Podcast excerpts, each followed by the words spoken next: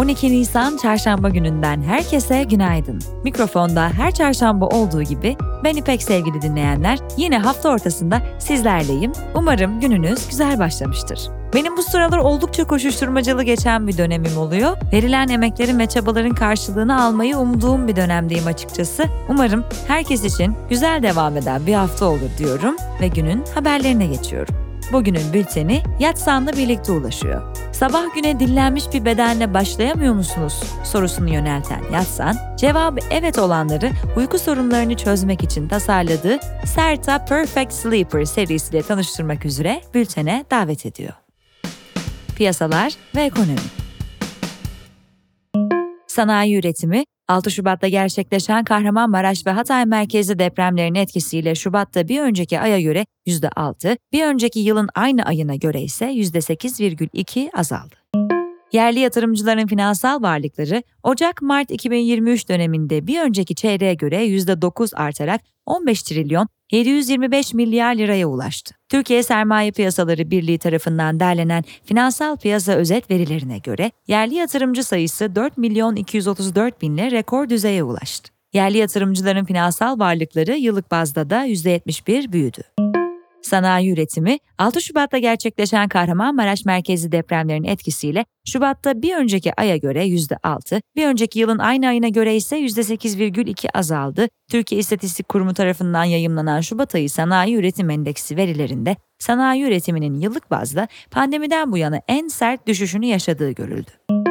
İnşaat Maliyet Endeksi Şubat'ta aylık bazda %2,08, yıllık bazda %72,37 yükseldi. Türkiye İstatistik Kurumu verilerine göre bir önceki aya kıyasla malzeme endeksi %3,43 arttı, işçilik endeksi %1,20 azaldı. Bir önceki yılın aynı ayına göre ise malzeme endeksi %62,52, işçilik endeksi %103,99 arttı. Uluslararası Para Fonu son küresel ekonomik görünüm raporunda ABD ve diğer sanayileşmiş ülkelerdeki faiz oranlarının enflasyonla mücadelenin sona ermesinin ardından yaşlanan nüfus ve durgun verimlilik artışı nedeniyle pandemiden önceki aşırı düşük seviyelere geri döneceğini öngördü. Avro bölgesinde perakende satışlar Şubat'ta bir önceki aya göre %0,8 geriledi. Avrupa İstatistik Ofisi tarafından yayımlanan Şubat ayına ilişkin verilerde perakende satışlarda yıllık bazda %3 düşüş görüldü. Piyasalarsa perakende satışlarının Şubat'ta aylık %0,8, yıllıksa %3,5 gerilemesini bekliyordu. Çin'de yıllık tüketici enflasyonu Mart ayında %0,7'ye geriledi. Piyasa beklentileri Şubat'ta %1 olarak hesaplanan yıllık enflasyonun Mart'ta da aynı seviyede seyretmesi yönündeydi. Bu sonuçlarla Çin, tüketici enflasyonunda Eylül 2021'den bu yana en düşük seviyeyi gördü. İş dünyası ve finans Türk Patent ve Marka Kurumu'na 2022 yılında yapılan marka başvuruları 2021 yılına göre %11 artarak 212.636'ya, toplam tasarım başvuru sayısı ise %28 artışla 84.107'ye yükseldi. Başvuru sayılarında rekor kırıldı. Marka başvuru sayısının %93'ünü oluşturan yerli marka başvuruları bir önceki yıla göre %12 arttığı kaydedilirken, Söz konusu dönemde Türk Patent tarafından tescil edilen markaların %90'ının yerli firmalara ve gerçek kişilere ait olduğu görüldü. Çevre, Şehircilik ve İklim Değişikliği Bakanı Murat Kurum, İstanbul'da 1,5 milyon acil ve öncelikli dönüşmesi gereken konut olduğunu, bunların %20'sinin ise çok acil olduğunu açıkladı. 1,5 milyon riskli konutun 500 binini olduğu yerde dönüştüreceklerini söyleyen kurum, kalan 500 bin konutumuz için Anadolu ve Avrupa yakasında uydu kentler planlıyoruz ifadesini kullandı. Petkim'in Star rafinerideki hisse alımında revizyon kararı alındı. Petrokimya sektöründeki olumsuz koşulların Petkim'in ödeme kapasitesini önemli ölçüde kısıtlaması dikkate alınarak Petkim'le Sokar Türkiye Enerji aralarındaki anlaşmayı revize ettiklerini duyurdu. Planlanan %18'lik dolaylı pay için 720 milyon dolar verilmesi, %12'lik dolaylı payın 480 milyon dolara alınması şeklinde revize edildi. Hisse devrinin 2 Ekim 2023'e kadar tamamlanması planlanıyor.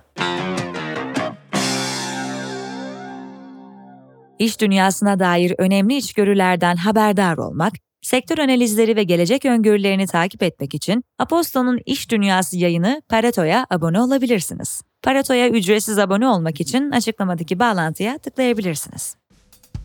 Politika Türkiye Cumhurbaşkanı Erdoğan, AK Parti seçim beyannamesi ve milletvekili aday tanıtım toplantısında partinin seçim beyannamelerini duyurdu. Erdoğan beyannameden önceki konuşmasında tarihin seyri bizi AK Parti'nin sadece dünün ve bugünün değil yarının da partisi olduğuna işaret ediyor. 14 Mayıs'ta sandıkları da patlatacak, yeni dönemin müjdelerini vereceğiz. Gümbür gümbür 14 Mayıs'a ilerliyoruz, dedi. Anayasa Mahkemesi Genel Kurulu, HDP'nin kapatılması istemli davada partinin sözlü savunma yapmama kararını ele aldı. AYM Başkanı Zühtü Arslan, davalı HDP'den sözlü savunma için gelen olmadığını tutanağa geçirdi. HDP'nin seçim nedeniyle sözlü savunmayı yapmama yönündeki dilekçesini bir kez daha reddeden AYM, dosyayı davanın esası hakkında raporun hazırlanması için raportöre gönderdi.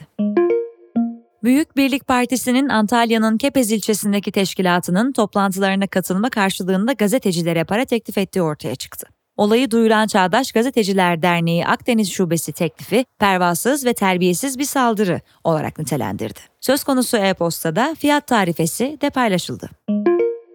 Memleket Partisi lideri Muharrem İnce, partisinin milletvekili adaylarını toplumda karşılığı olan ve partiye emeği geçen insanlardan seçtiklerini söyledi. CHP'nin listesini değerlendiren İnce, bu ittifakın adı Millet İttifakı değil Ali Dibo İttifakı'dır dedi. Muharrem İnce, CHP lideri Kılıçdaroğlu'yla 29 Mart'ta önce veya sonra görüşmediklerini vurgulayarak Millet İttifakı'nı kurarken davet edilmedik, mutabakat metinleri yapılırken davet edilmedik, yok sayıldık. Biz ittifaklara karşı değiliz ama ittifaklar omurgalı olmalıdır. Onlarınki menfaat ittifak diye konuştu.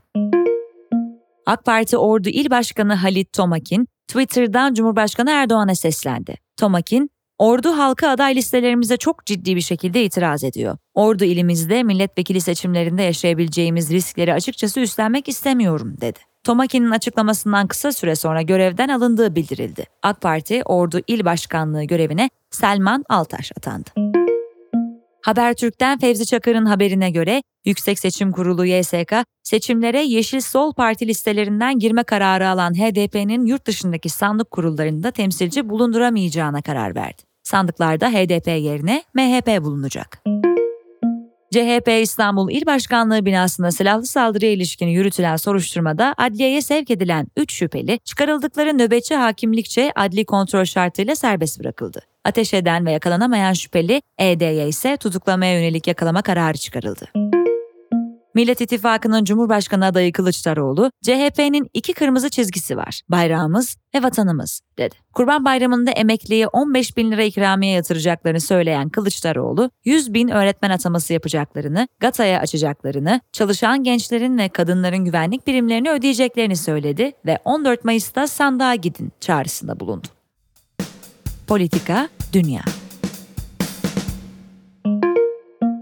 Birleşmiş Milletler, Hindistan'ın Nisan ayının sonunda Çin'e geride bırakarak dünyanın en kalabalık ülkesi olacağını açıkladı. Açıklamaya göre Hindistan'ın nüfusunun 1,4 milyara ulaşması bekleniyor. ABD Savunma Bakanlığı, Çin'in Tayvan etrafında yaptığı tatbikatları yakından izlediklerini ancak Pekin'in Savunma Bakanı Lloyd Austin ve mevkidaşlarıyla görüşme taleplerini reddetmeye devam ettiğini açıkladı. Öte yandan Tayvan Savunma Bakanlığı, Çin ordusunun ada çevresinde düzenlediği askeri tatbikatın 3. gününde Çin'e ait 91 askeri hava aracı ve 12 savaş gemisinin tespit edildiğini bildirdi. Teknoloji ve girişim Türkiye'nin metre altı çözünürlüğe sahip yerli ve milli ilk gözlem uydusu İmece'nin fırlatma operasyonunun ertelendiği bildirildi. Açıklamada şu an itibarıyla bir gün ertelenen fırlatmanın kesin bir tarih ve saati olmadığı, ekiplerin hava durumunu takip ettiği belirtildi. İngiltere Sağlık Bakanlığı sigara içme oranının düşürülmesi amacıyla 1 milyon kullanıcıya ücretsiz elektronik sigara kiti dağıtılacağını, hamile kadınlara da sigarayı bırakmaları için mali teşvikler sunulacağını açıkladı. Dünyada bir ilk olan program, hükümetin 2030'a kadar İngiltere'de sigara içme oranını %5'in altına düşürme taahhüdü kapsamında geliştirildiği belirtildi. Çin'in teknoloji devi Alibaba, OpenAI'ın yapay zeka sohbet robotu ChatGPT'ye rakip olarak geliştirdiği Tongyi Qianwen isimli sohbet robotunu tanıttı. Çince'nin yanında İngilizce'de hizmet verebilen sohbet robotunun ilk aşamada Alibaba'nın iş yerinde mesajlaşma aplikasyonu olan Ding Talk'a sonrasında Alibaba'nın sesli asistan ürünü olan Tmall Genie de entegre edilmesi planlanıyor. Şirket, yapay zeka robotunun toplantı notları almak, e-posta hazırlamak ve iş teklifi taslakları oluşturmak gibi amaçlar için kullanılabileceğini belirtti. Tanıtımın ardından Alibaba'nın Hong Kong borsasındaki hisseleri piyasa geneli yatay seyrederken %1,5 yükseldi. Birçok Twitter kullanıcısı Twitter çevresi hakkında bir hata oluştuğunu ve hata dolayısıyla sadece seçilmiş bir grup profile ulaşması gereken mesajların algoritmanın oluşturduğu sizin için zaman tüneline düştüğünü bildirdi. TechCrunch'ın haberine göre bu hatayla karşılaşan Twitter kullanıcılarının bazıları profillerini takip eden hesaplara gittiğini söylerken bazıları da takipte olmayan hesapların zaman tünelinde görüldüğünü söyledi. Spor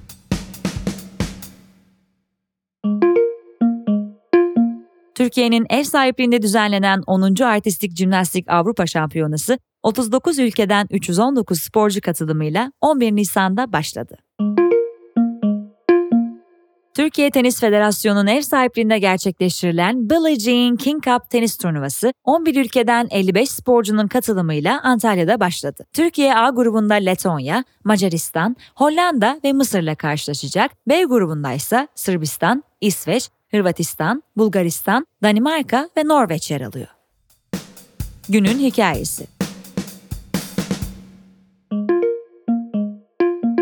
Azerbaycan ve İran, tehditler, anlaşmazlıklar ve İsrail. Sevgili Tanem Zaman sizler için kaleme aldı. 2020'de Azerbaycan ve Ermenistan arasında yaşanan Karabağ Savaşı'nda Azerbaycan'ın elde ettiği zaferden bu yana güney komşusu İran'la arasındaki gerilim bitmiyor. Ermenistan'ın en önemli siyasi ve ticari müttefiklerinden biri olan İran, Azerbaycan'ın Kafkasya'da jeopolitik statünün değişmesini bölgesel çıkarları için tehlikeli buluyor. 29 Mart'ta Azerbaycan'ın Tel Aviv'de büyükelçilik açması, inişli çıkışlı olan İran-Azerbaycan geriliminin son perdesi oldu. Yazının devamı bültende sizi bekliyor.